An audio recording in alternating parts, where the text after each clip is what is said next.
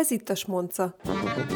A Mazsike podcastja. A szótár szerint a smonca semmiség, üres fecsegés, mellébeszélés. A vitatott eredetű iddis smonc egy csacska tréfa, fecsegés átvétele. De mi nem csak fecsegünk. A kortárs zsidó kultúra alakítóival, résztvevőivel és kutatóival beszélgetünk fontos dolgokról könnyedén, mindenről, ami kultúra és kicsit is zsidó. Én Dohi Gabriella vagyok, ma pedig Jónás Vera énekes dalszerzővel beszélgetünk.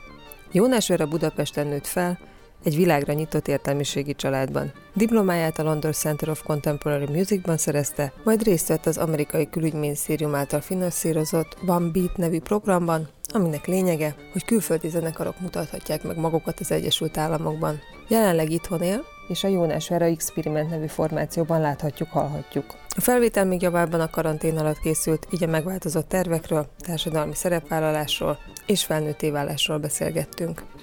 Olyan nehéz elkapni téged. Igen. Azt mondják a zenészek, vagy nem mondják, hát azt gondolnák, hogy a karanténban unatkoznak, vagy más felé kellett nézniük, de nagyon elfoglaltnak tűnsz. Hát az elején, az elején nyugis is volt, szóval még a tavaszi időszakban, de most például igen, tehát azért is volt ilyen nehéz, mert kb ugye beszéltük azt, hogy lehet, hogy, hogy majd akkor toljuk valamikorra, és nem, most egyelőre nem látom, hogy mikor lesz olyan időszak, amikor lesz időm rendesen így elmélyülni egy beszélgetésben, mert, mert igen, most nagyon sok minden van egyszerre, amit én nagyon élvezek egyébként, meg ilyen tök boldog ez az időszak nekem, de, de ja, tehát tele vagyok tele vagyok dolgokkal, csinálok egy meselemezt, főleg az viszi el egyébként az időmnek a mondjuk a három-ötödét, és a maradékot, meg, meg az, hogy tanítok, meg azért vannak dolgok a zenekarommal is, ilyen csip dolgok, meg, meg az, hogy sportolok, meg, meg nagyon, nagyon próbálom így a, a, a saját időmet, tehát az ilyen szabadidős dolgokat, meg magánéleti időt, azt ilyen nagyon körülbástyázni, hogy ahhoz nem nyúlhat senki. Tehát, hogy az, az ilyen tök fontos lett, hogy, hogy legyen olyan idő, ami, ami mit tudom én, a szombat, vasárnap, hogy ezek üres napok, de hogy a véletlenül se eresztek be semmi olyan dolgot, ami nem szabad idős tevékenység. És mi az, ami boldogá teszi ezt az időszakot? A rendszer igazából az, az, hogy nyilván amit csinálok a rendszerben, az, hogy kreatív dolgot csinálok, emberek között vagyok, még ha online térben is sokszor, sőt a legtöbbet online térben, akkor is olyan dolgot csinálok, ami, ami így, így izgat meg. Én ezt észrevettem például magam, hogyha nem tudok elaludni, mert annyira pörög az agyam, hogy hogy legyen, hogy lenne jobb, így legyen, úgy legyen, akkor, akkor az egy kreatív dolog, hogyha így, így nem tud nem tud aludni hagyni, vagy vele álmodom. Tehát például ez a meselem, ez, ez abszolút egy ilyen, hogy állandóan gondolkodom, hogy mi, mitől lehetne még jobb, hogy lehetne jó, kinek mit mondjak ebbe, hogyan irányítsuk a folyamatokat, szóval ez egy nagyon izgi. Ez, ez egy zenés szöveges lemez, amit a Soha Rózával csinálunk, ami egy ilyen kísérleti kórus, és azt kell róluk tudni, hogy ők mindig közösségi alkotással hoznak létre minden, mindent, amit csinálnak. Tematikusan elkezdtünk arról, arról felgöngyölíteni a múltat, hogy kinek mi volt a gyerekkorában az, ami nagyon röhögött. Csomót beszélgettünk a bullying témáról, hogy kit mivel csúfoltak. Volt-e olyan, aki csúfolt másokat gyerekkorában? Ezt is elve is nagyon mélyen bele mentünk meg rengeteg, nekem a kedvenc témám ebben mondjuk a gyerekkori ilyen, ilyen képzeteink, vagy képzelődéseink, amiket gondoltunk, tehát például nagyon jó volt így egymásra találni abban, hogy mindenkinek volt a lefolyóval, meg a vízzel kapcsolatban valamilyen parája. Tehát mindenki félt attól, hogy a, hogy a WC-ből kimászik valami, vagy a lefolyóból visszajön, vagy a zuhanyrózsából, vagy a medencéből, tehát, vagy, vagy a tengerből, tehát a vízben mindenkinek meg volt a saját félelme, ami általában valami irreális dologhoz volt köthető. Tehát én például mindig attól féltem, hogy a zuhanyrózsából kijön egy cápa. Nagyon sokaknak volt az, hogy féltek attól, hogy a lefolyón lefolynak ők maguk is gyerekként, és akkor ez így egyért, egyértelmű volt, hogy ebbe a mesébe, amit írtunk közösen, ebben biztos, hogy legyen egy olyan, hogy a főhős fél valami, valamiben, valamitől a vízben. és így is lett, lett végül, hogy a főszereplő karakter fél az uszodában, mert a víz alatt cápák laknak. És akkor erről van is egy dal. És egyébként a mesélem ez így visszakanyarodva egy, egy tulajdonképpen egy kisfiúnak az életét mutatja be, egy olyan történet, amiben nem történnek nagy ívű dolgok, inkább csak bemutatódnak ennek a fiúnak az életének a szereplői. Az anyukája, a legjobb barátja, aki egy lány, és idősebb nála, és nagyon menő, neki az apukája, akkor az iskolatársak, és akkor ott vannak még a felnőttek, akik közértes néni, meg ilyen egydekás bácsik a közért előtt, akik könyökölnek. Egydekás bácsik? Egydekás bácsik, így hívjuk őket. Tehát, hogy próbáltunk egy olyan mesét, olyan mesét írni, ami, ami, egy, ami nem egy ilyen, egy ilyen mesevilágot mutat, csak egy nem teljesen valós történet, de, de teljesen valóságos környezetben van. Tehát a Tibi anyukája egy, egy egyedülálló anyuka, a legjobb barátjának az apukája agrármérnök, aki énekel egyszer egy dalt arra, hogy milyen fontos az eső, és hogy, és hogy milyen rossz, hogy nem tudnak kimenni focizni, de egyébként milyen fontos ez a, ez a növény, növényeknek, meg a földnek, hogy van eső. Van egy, egy közértes néni, Szabina, aki akiről burkoltan, nem ilyen direkt módon, de kiderül, hogy roma származású, és akkor van neki egy nagy ilyen gospel dala, ami, amiben kifakad, hogy ő miért nem lehetett királylány az iskolai színjátszó körben, és azért, mert hogy nem szőke és kékszemű, és miért minden királylány szőke és kékszemű, és ez, és ez őt mennyire megnehezítette az életében. Szóval, hogy vannak benne ilyen részek, van, és akkor ott vannak a, a mi egydekásoknak hívjuk, de egyébként ez nincs így kimondva a mesébe, hogy a közért előtt ácsorgó néni és bácsi, akik le vannak százalékolva, és egy kicsit be vannak csípve, de nagyon aranyosak ezzel a kisfiúval, és jobban vannak a Szabina nénivel is, Szóval, hogy így próbáltunk egy olyan mesét lét, hozni, ami nem Budapesten játszódik, hanem egy, egy magyar kisvárosban, és van valóság alapja, és van köze ahhoz, ami egy átlagos vidéki kisfiúnak az életében lehet. Ez egy karantén projekt, tehát nem, nincs költségvetése, meg nem is nyertünk rá pályázati pénzt, úgyhogy ezt így a saját szórakozásunkra rakjuk így össze, és van ennek egy ilyen bája, meg egy ilyen lelkesedése, meg sok munkat ez mentett egyébként meg a, a karanténos elszigetelődés és, és munkanélküliségtől. Tíz percre beszélgettünk, és nagyon sok ügyet említettél. Feltűnt, hogy felszólalsz dolgok mellett, dolgok ellen. Ez miből fakad, és mik azok a dolgok, amik fontosak neked? Igen, olyan nehéz, ez pont a minap gondolkodtam azon, amikor valaki mondta egyszer nekem, hogy, hogy a zenész az ne, ne politizáljon, ne, nem kell neki úgy, a zenész az zenéjen tulajdonképpen, és ezzel így mélységesen nem értek egyet, vagy szóval, hogy én, én, én azt gondolom, hogy, hogy, hogy a művészetnek valahol mindig egy ilyen tükröt, tükörtartás a fő feladata, amellett, hogy szépen csillogjak, meg szép legyek, meg izé, tehát hogy van egy, van egy ilyen, ilyen oldala, hogy fú, akkor nem tudom, rock and roll van, és így élvezem, és kiadom magamból, és, és szeretek énekelni, tehát hogy van egy ilyen, ilyen, mm, egy ilyen trip az embernek magával, hogy így beleveszik a zenébe, de van egy, egy olyan oldala is, ahol szerintem nagyon, nagyon fontos, hogy, hogy maga, az, hogy az ember egy színpadon áll, az már önmagában egy kijelentés valaminek a kijelentése. És én nekem, nekem zsigerileg soha nem tudtam befogni a számat, tehát hogy nekem nagyon sok mindenről van véleményem, de egyébként csomó mindenről egyáltalán nincsen, és örülök, hogyha azokról nem is kérdeznek meg, mert mert csak így fölteszem a kezem, hogy nem tudom, de hogy például a szülés, ez csak az, hogy ben voltam a tesómmal, amikor szült, azt kérte, amik, ahogy várandós lett, mondta, hogy szeretné, hogy én legyek vele bent, és akkor mondta, jó ég, hát én azt tudom, mit kell csinálni, meg hogy, és végül egy nagyon, nagyon bensőséges, fantasztikus élményt éltünk át egyébként mind a ketten, és akkor én, nagyon, én hirtelen elgondolkodtam rá, de egyébként egy nagyon felfogozott időszak volt az, és el, el, elgondolkodtam azon, hogy úristen, hogy egy ilyen szülést így végignézni, ezek után én soha többet nem, tehát tehát, hogy annyira felidegesítettem magam azon a sok hülyeségen, amit a, amit a filmekben mondjuk látni a szülésekről, meg az egész, ahogy át van politizálva, meg át van ö, pörgetve mindenféle olyan ember által, akinek semmi köze, meg semmi tudása, meg tapasztalata nincs ezzel kapcsolatban. És itt most nem csak feltétlenül a férfi társadalomra gondolok, mert azt gondolom, hogy nagyon sok férfinek van köze hozzá egyébként, meg átéli, meg látja, meg, meg asszisztál, meg segít, meg ott van csak, hogy van egy ilyen, van egy ilyen beleszólás szerintem ebbe a, ebbe a témában is, ami nekem, nekem így kényelmetlen lett, és,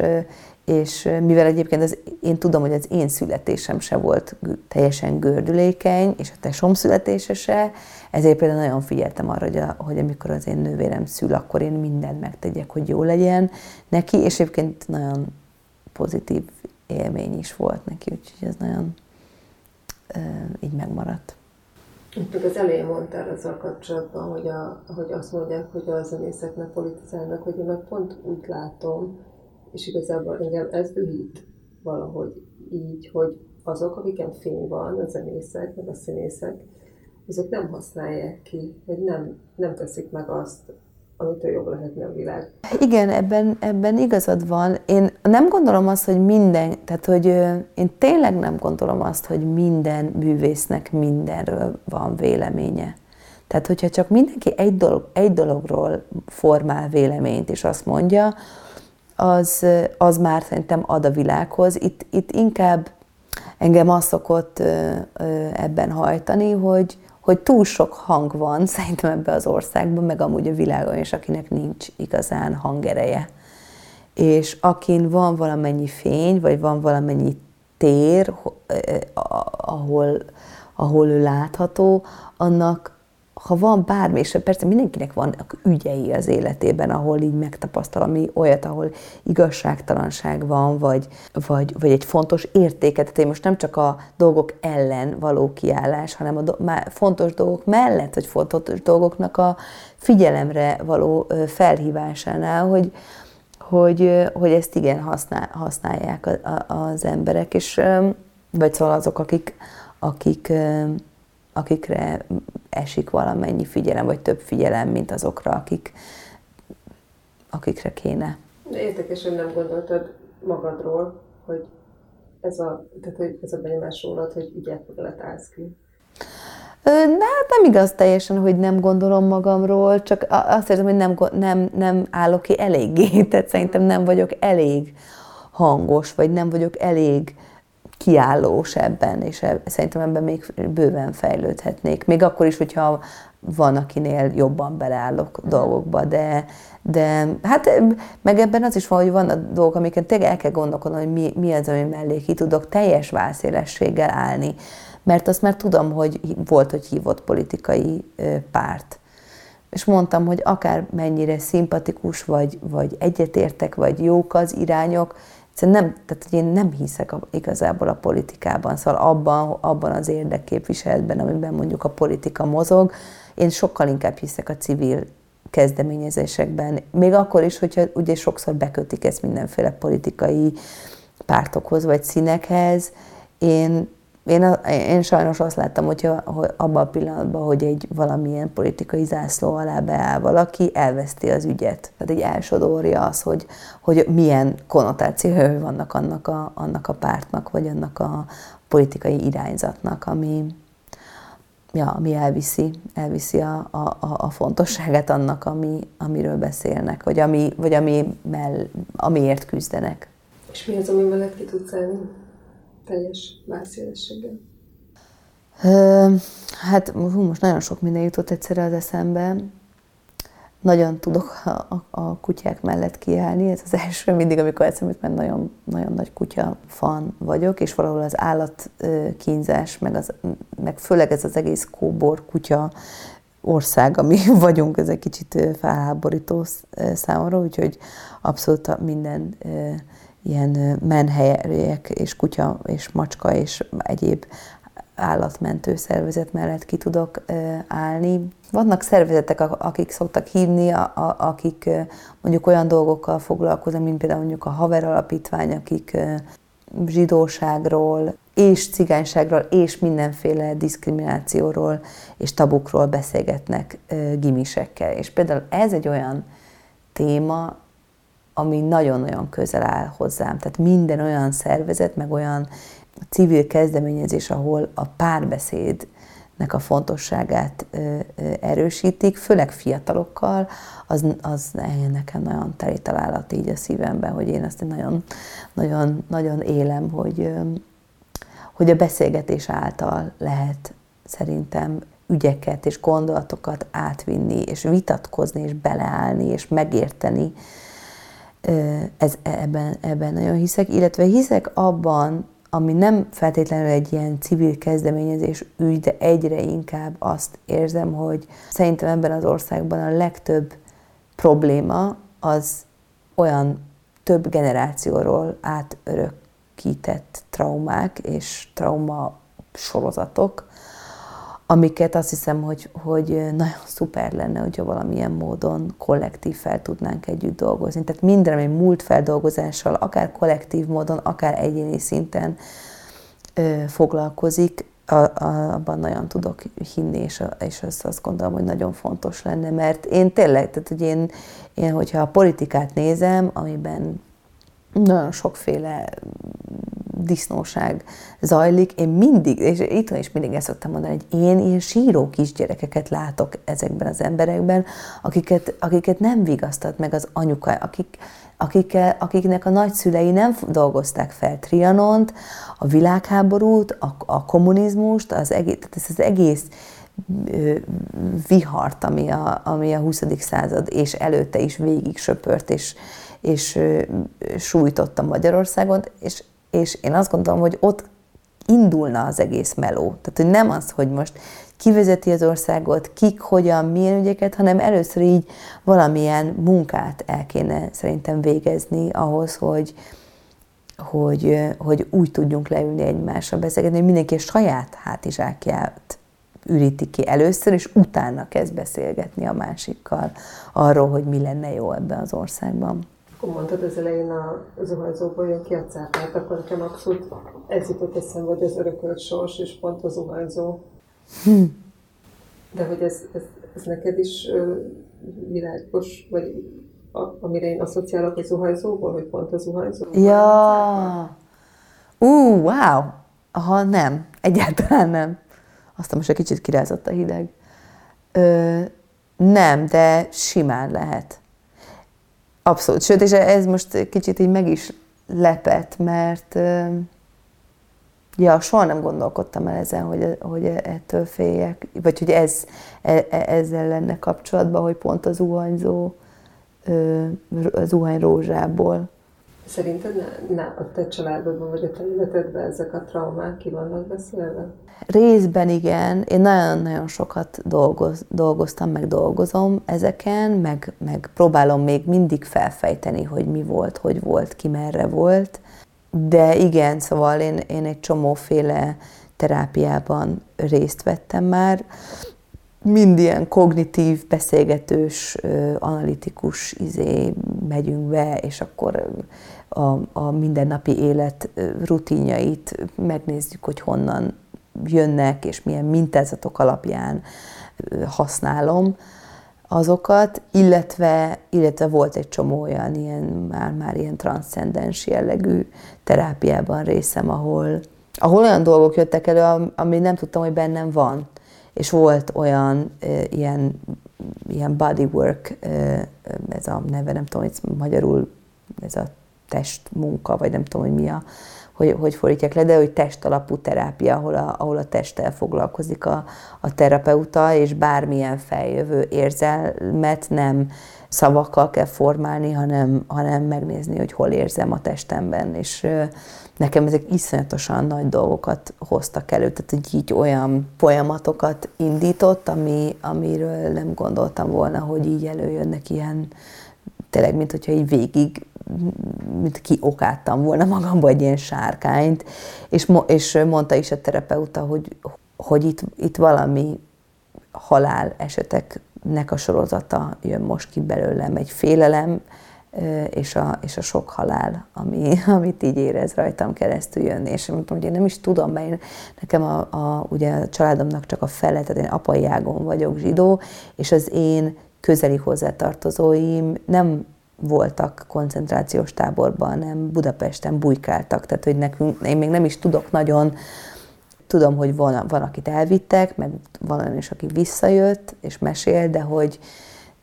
de hogy a mi történetünk nem, nem Auschwitzban körvonalazódott igazán, hanem inkább az, hogy Budapesten a nagymamám nem rakta föl a sárga csillagot, hanem, hanem járt kelt, és így az mindig ilyen legendában benne van, hogy az én nagymamám nagyon csinos nő volt, és, és, hogy, és hogy a nyilasok nagyon kedvelték őt, tehát nagyon tetszett nekik, és, és utána szóltak, és fütyültek neki, és, és ő meg így visszafogva szépen jött-ment, és nem, nem engedte, hogy igazoltassák. Ehhez, hogy így kijöjjenek, például a bodywork és egyéb terápiákon, ehhez szerinted erre mindenki képes, vagy alkalmas, vagy ehhez kell egy mondjuk az, hogy jóval légy a testeddel, vagy az, hogy legyen egy nyitottságot, vagy kreatívabban gondolkodj, tehát az, ami egy művésznek a sajátja. Ö, ezt nem tudom. Az, abban biztos vagyok, hogy nem mindenkinek jó minden fajta terápia. Sőt, tehát én azt gondolom, hogy nekem se való mindegyik fajta terápia. De szerencsére nagyon sokféle terápia van, és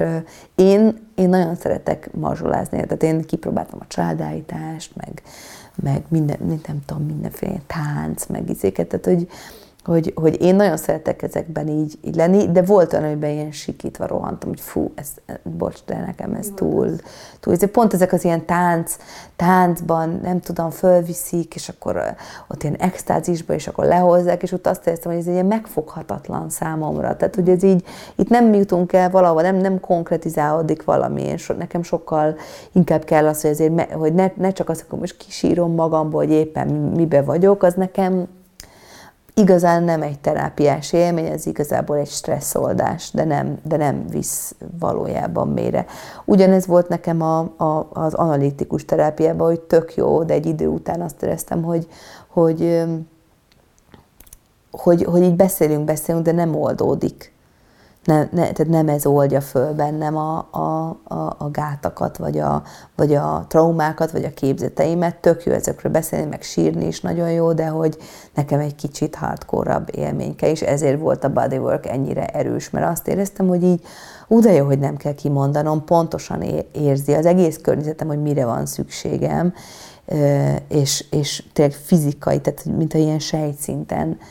pucoltam volna ki magamból ezeket a dolgokat, de nem tudom, hogy ez, ez van-e kö, köze annak, hogy az ember milyen be van a testével. Nekem sok, vagy nem tudom, szóval voltak, meg vannak ilyen hullámzásaim a saját önképemmel, de szerencsére egyre jobb, jobban vagyunk, de az biztos, hogy hogyha valaki életében nem foglalkozott magával, azt nem küldeném el egy ilyen test alapú ö, ö, mélyfúrásba. És ahol a, a csoport, amivel például voltam, ott ö, egyébként nem nagyon voltak művészek, tehát ott mindenféle, a, a biznisz, nem tudom milyen menedzsertől volt a szakácsig mindenféle ember, de az volt a közös bennünk, hogy mindenki már, már éveket tett a, a saját magának a munkálásában, meg, meg felderítésében. Tínédzser koromban nekem tök sok minden, tehát szerintem az volt a leginkább szivacs időszak az életemben, tehát én akkor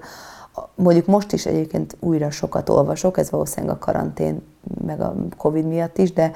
de hogy abban az időben tényleg faltam a könyveket, de ilyen brutális módon, minden héten színház, mozi, ilyen előadás, olyan beszélgetés, filmklub, nem tudom, tehát állandó, sőt egyedül jártam, tehát azóta nem is voltam így egyedül szerintem moziba, tehát akkor tényleg az volt, hogy, hogy, hogy néztem, hogy a suli után mit adnak a művészbe, és ott voltam, és hárman ültünk a nézőtéren, és akkor néztem a nem tudom milyen művészfilmeket, szóval nekem az egy ilyen nagyon kulturálisan ö, terített időszak volt, Én azt hiszem, hogy a világnézetemet akkor kezdtem el így kiformálni, akkor kezdtem el valamennyire a, a szüleimet is már máshogy látni, meg, meg elkezdeni azt nézni, hogy fú, most akkor már itt vagyok a felnőttségnek a küszöbén, persze rohadtul nem voltam még, de azt gondoltam, hogy ott vagyok, és az nekem egy jó volt. És azért gondolom, hogy a haver ilyen szempontból fontos, mert pont a gimnázium, meg, meg előtte, utána azok az évek azok, ahol, ahol az ember ki tud lengni különböző irányokba. Tehát, hogy nem véletlenül nagyon sokan, akik mondjuk szélső jobb ö, ö, közösségbe keverednek, azok ilyen időszakban tudnak bele menni. Tehát nekem van több ilyen ismerősöm, akinek a gyereke, gyerekét mondjuk beszervezik ilyen szélsőjobbos íredent, nem tudom, csoportosulásokba, és én mindig azt mondom erre, hogy jó, nem, tehát nem, nem szabad szerintem lecsapni ezeket a gyerekeket, vagy azt mondani, hogy úristen,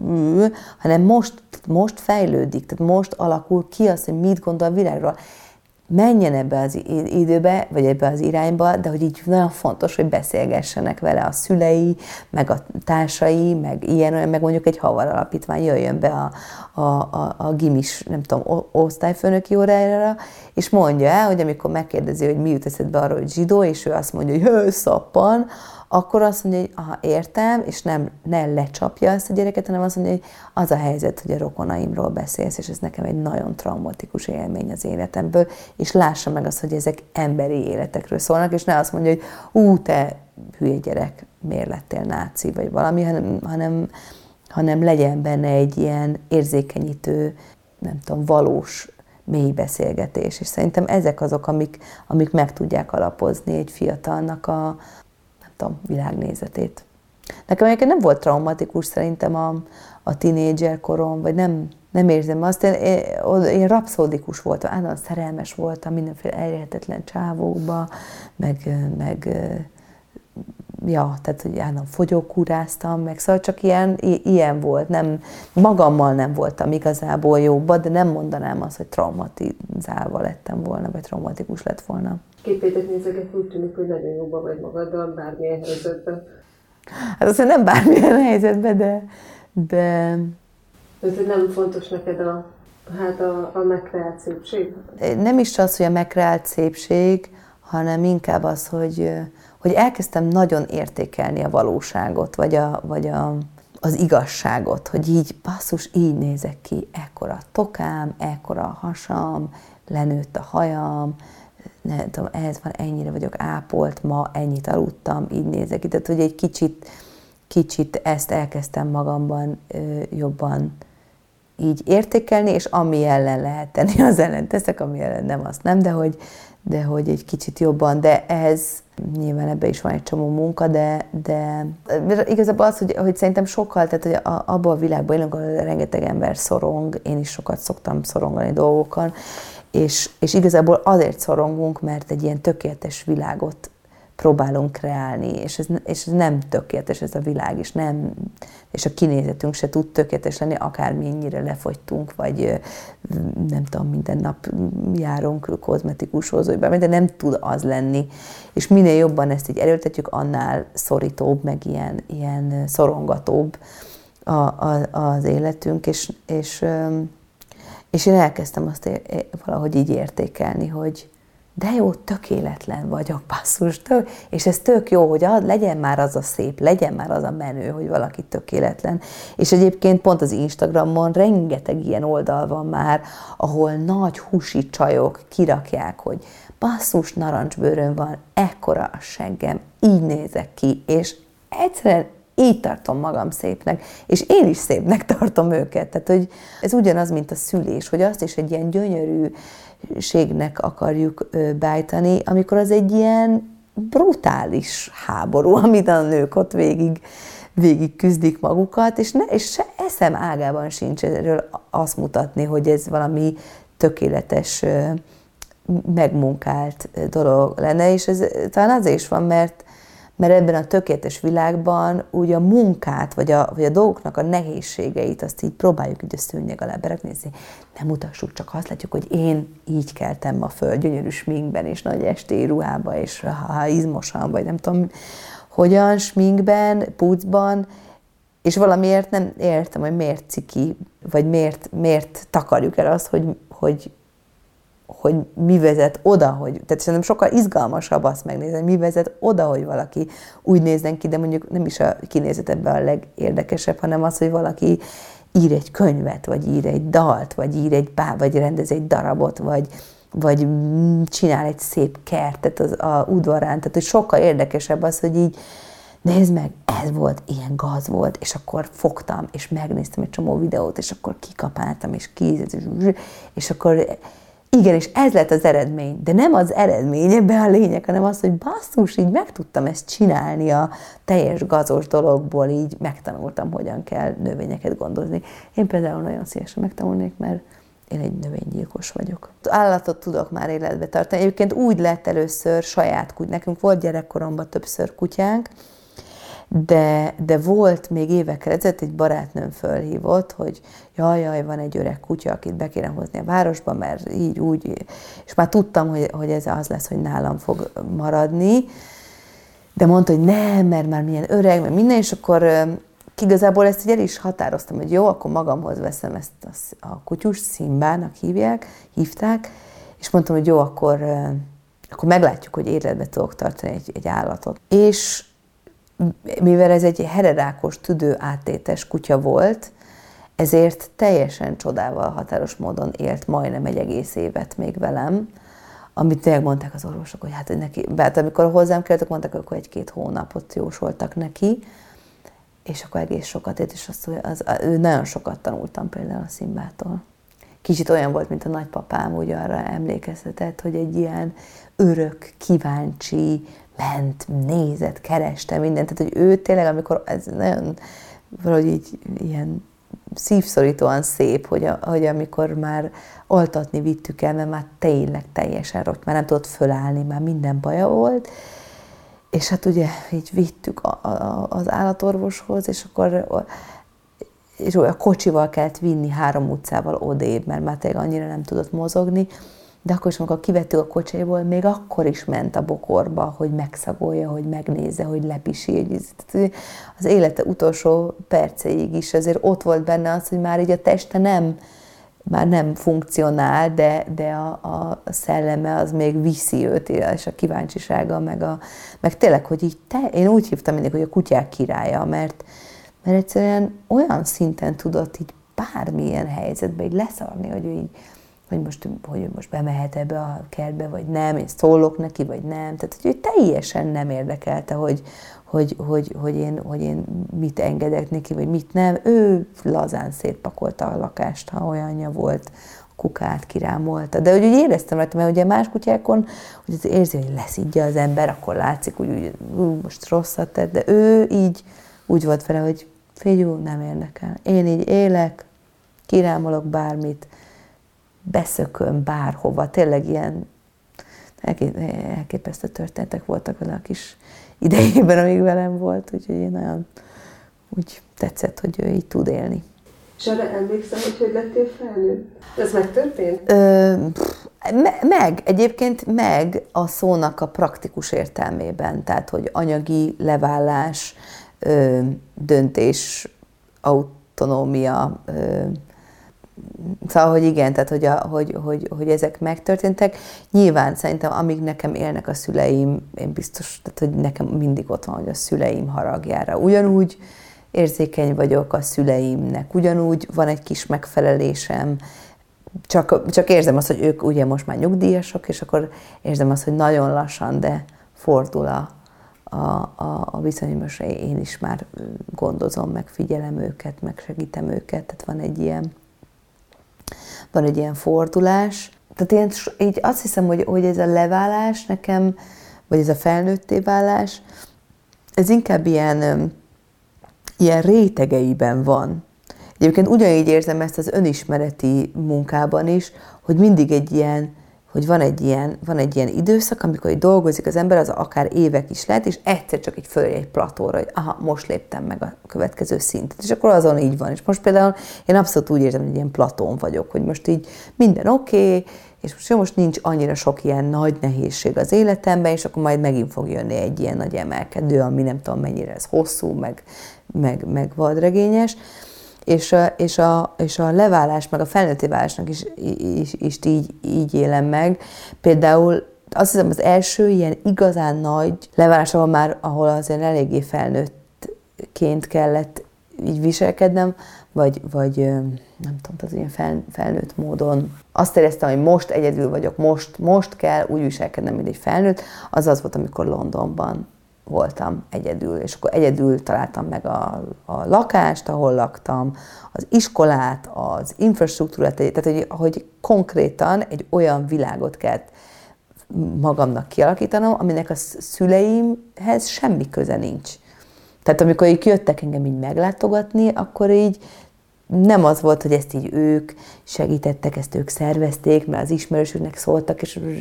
hanem hogy ők így semmiről nem tudtak, senkit nem tudtak, azt tudták, hogy hol lakom, meg mint, tehát hogy így nem, nem, nem, nem volt hozzá nagyon, nagyon igazán közük, és ott az egy elég nehéz időszak is volt, tehát az elég egyedül voltam, meg, meg kilátástalannak éreztem a helyzetem, tehát egy csomó, csomó ilyen dolog volt, amiben azt éreztem, hogy aha, most ez egy felnövési fázisban vagyok. Tehát, hogy már, már azon túl voltam, hogy akkor, tehát már nem laktam előtte se otthon, de azért még nem kerestem annyit, hogy, hogy, hogy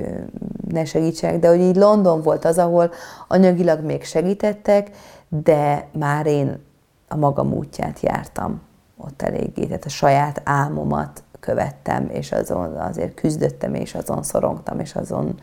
gyötröttem, hogy az hogy lehet meg, és abban azt érzem, hogy nem, nem, igazából nem tudnak ebben segíteni nekem. És a Londonban eleve úgy mentél, hogy vissza fogsz jönni? Nem volt bennem semmilyen ilyen, ilyen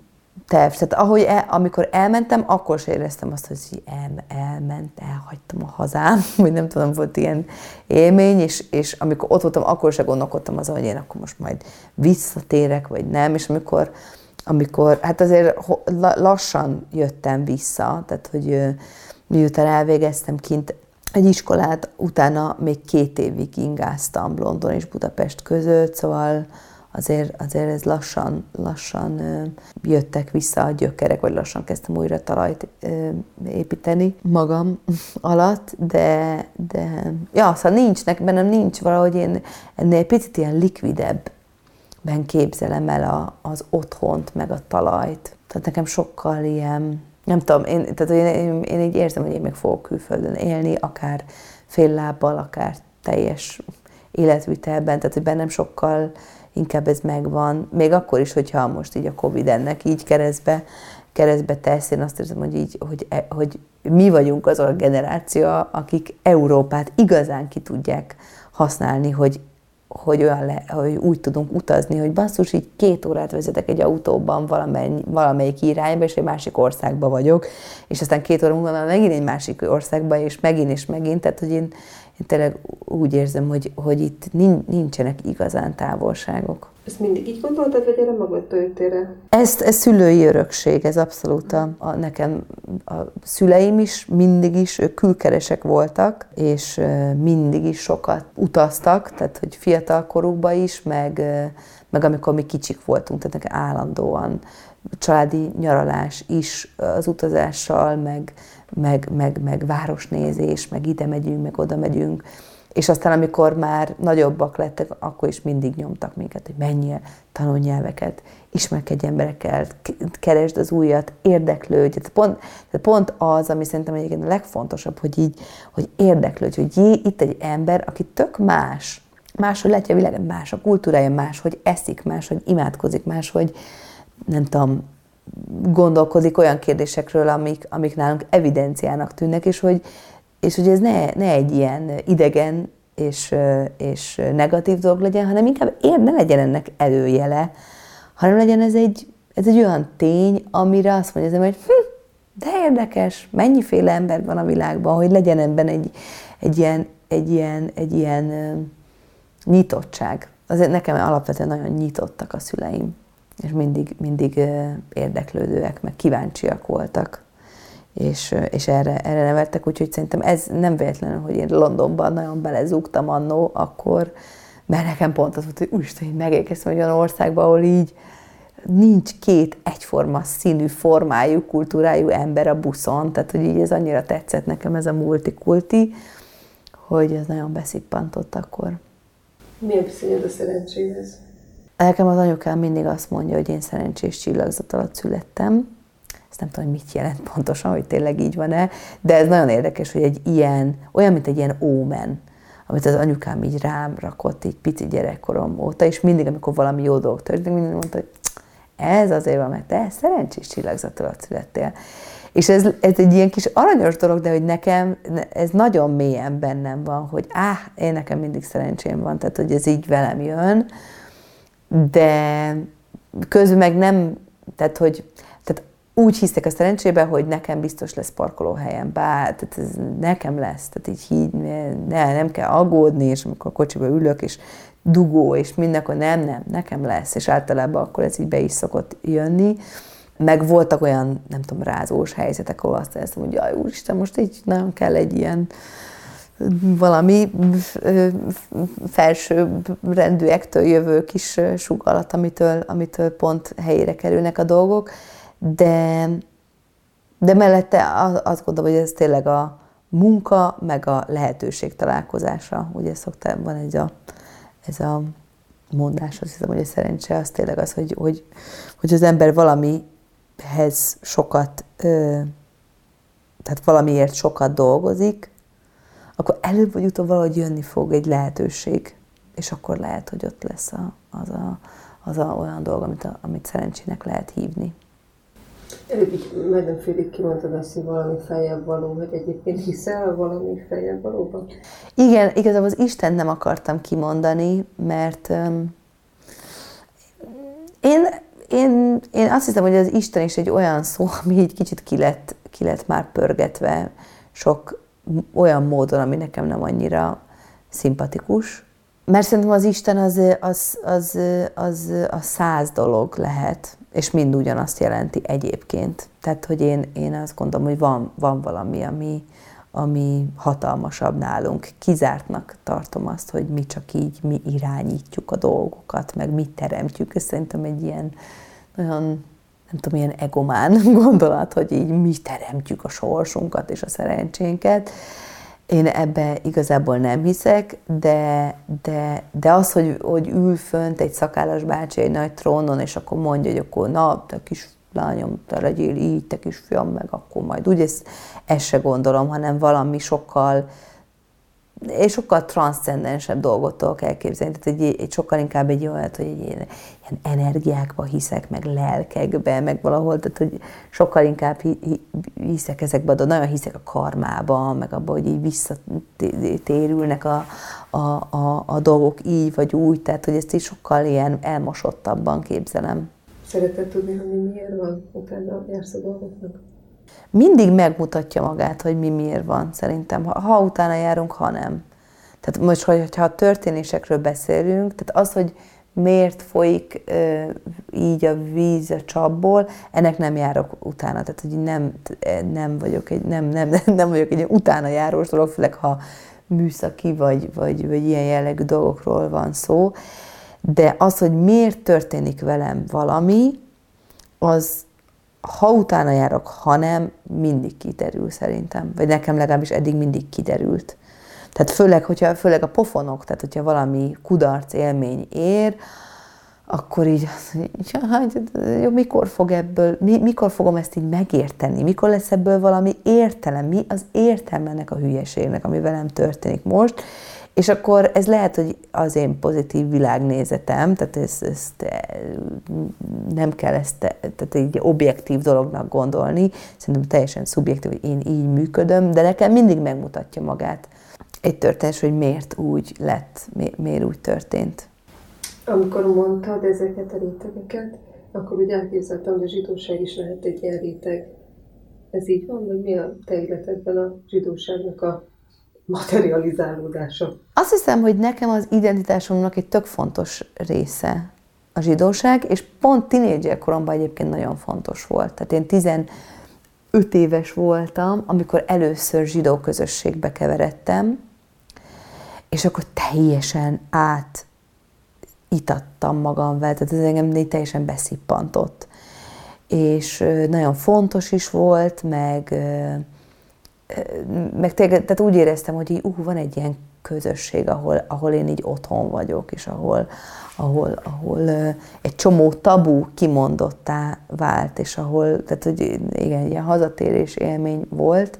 egy nagyon természetes közeg volt nekem, de aztán ahogy jött az élet, meg, meg ahogy egyetemre kezdtem járni, és aztán már kimentem Londonba, amikor kimentem Londonba, akkor már nagyon távol voltam, de amikor még Budapesten jártam az eltére, már akkor úgy éreztem, hogy fú, jó, nekem engem már csak sok minden, tehát akkor már nagyon érdekelt már a zene, akkor már nagyon benne voltam a zenei közben, és úgy éreztem, hogy az is egy ilyen,